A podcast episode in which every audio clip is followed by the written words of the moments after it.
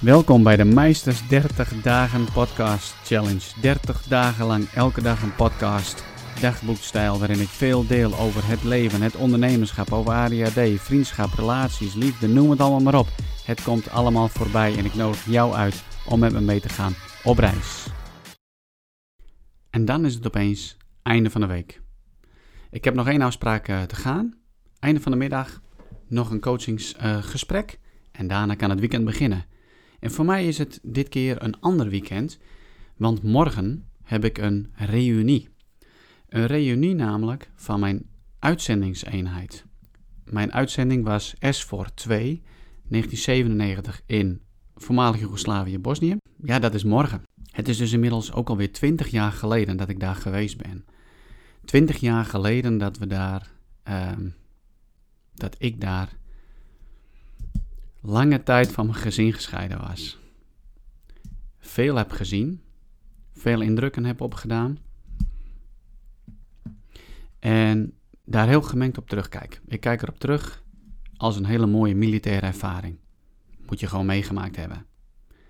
Aan de andere kant was het best wel heel heftig en pittig als vader zijnde. Sommige dorpjes, ik weet nog wel een dorpje, Vesici, dat was gewoon een spookdorp eh, geworden. En daar zag je nog gewoon de spullen op grond liggen van de mensen die daar gevlucht waren. Dat was zo, ja, zo onwerkelijk om daar uh, dan te zijn en dat dan allemaal te zien en stil te staan van wat daar allemaal had plaatsgevonden. De moslims en andersom. En ja, dat is best wel heftig geweest hoor. En uh, de moslims, of plekken van, van je weet waar ze, nou, veel mensen zijn omgekomen door uh, bepaalde massa-executies of zo. Ja, dat, dat, dat heeft best wel wat, wat gedaan. Hè? Of, maar ook gewoon hele leuke dingen. Veel verkenningsvluchten gemaakt met helikopters en ergens gedropt worden. Ja, dat was gewoon super gaaf. Um, als militair heb ik er echt wel van genoten. En nu is het 20 jaar geleden. Ik kan het gewoon niet geloven. 20 jaar geleden. De tijd gaat zo snel. Ik was toen 25 dan. Ja. En, um, wow. Nou ja, weet je, om eerlijk te zijn, ik heb er heel veel zin in. En aan de andere kant zie ik er ook een beetje tegenop. Het is alsof je weer geconfronteerd wordt met iets uit het verleden. Ik heb uiteindelijk zes jaar bij de, de landmacht gewerkt, de Koninklijke Landmacht. Een anderhalf jaar daarvoor, voor mijn landmachtperiode, heb ik anderhalf jaar bij de luchtmacht gewerkt. En die landmachtperiode is een hele intense periode geweest. Ik heb later nog acht jaar bij de politie gezeten. En in mijn politieperiode heb ik eigenlijk veel meer spannende dingen en erge, ergere dingen meegemaakt. Alleen mijn defensieperiode is mij gewoon het langste bijgebleven. Dat, dat, daarvan heb ik het gevoel dat het een bepaald ja, iets heeft veroorzaakt van binnen wat je altijd meeneemt. In ieder geval wat je dan meeneemt is hoe ik mij verbaas hoe het contact nog is, zeg maar, met heel veel mensen vanuit die periode. En dat een aantal zijn geweest om dan zeg maar een reunie te gaan organiseren. En hoe we dan communiceren met elkaar alsof er helemaal geen twintig jaar tussen heeft gezeten. Ja, heel bijzonder. En uh, ik vind het ook wel weer eigenlijk een beetje spannend om er weer morgen heen te gaan en geconfronteerd te worden met die wereld. Want ik ben toen bij Defensie weggegaan. Ik hoefde niet weg. Ik was uh, beroeps, uh, onbepaalde tijd. Dus ik had gewoon kunnen blijven in principe tot aan mijn pensioen. Maar toch, ik genoot enorm van het werk. Maar op een gegeven moment was het heel repeterend. Dus het was oefening, terugkomen, onderhoud, lesgeven, instructie geven. Want ik zat bij het instructiepersoneel. En je ging weer op oefening en later zijn er natuurlijk ook de uitzendingen uh, bijgekomen. En, uh, en voor mij was het gewoon één hele grote belangrijk iets.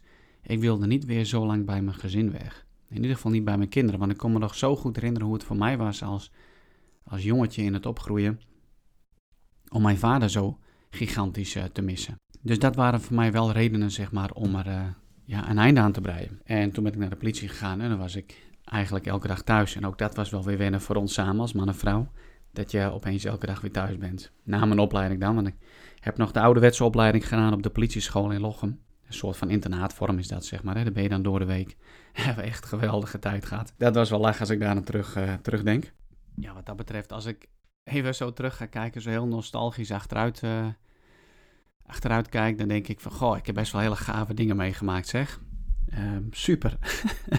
gewoon heel veel leuke ervaringen uh, opgedaan. Echt superleuke mensen ontmoet. En, uh, En ook echt van betekenis kunnen zijn voor anderen. Dat, dat vind ik nog wel het hele mooiste. En uh, ja, nu ik er zo weer over heb, ik moet er toch echt toch eens een keer weer aan gaan beginnen. Hè, om echt mijn levensverhalen te gaan opschrijven met alle levenslessen die ik heb opgedaan. En dat misschien maar eens in een boek uit te gaan geven.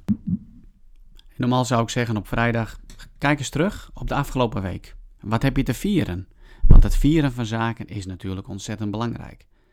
En vandaag, dit keer, zou ik iets anders willen vragen. Ga eens even terugkijken en ga eens even kijken naar de momenten waarop je tegenstand hebt ervaren.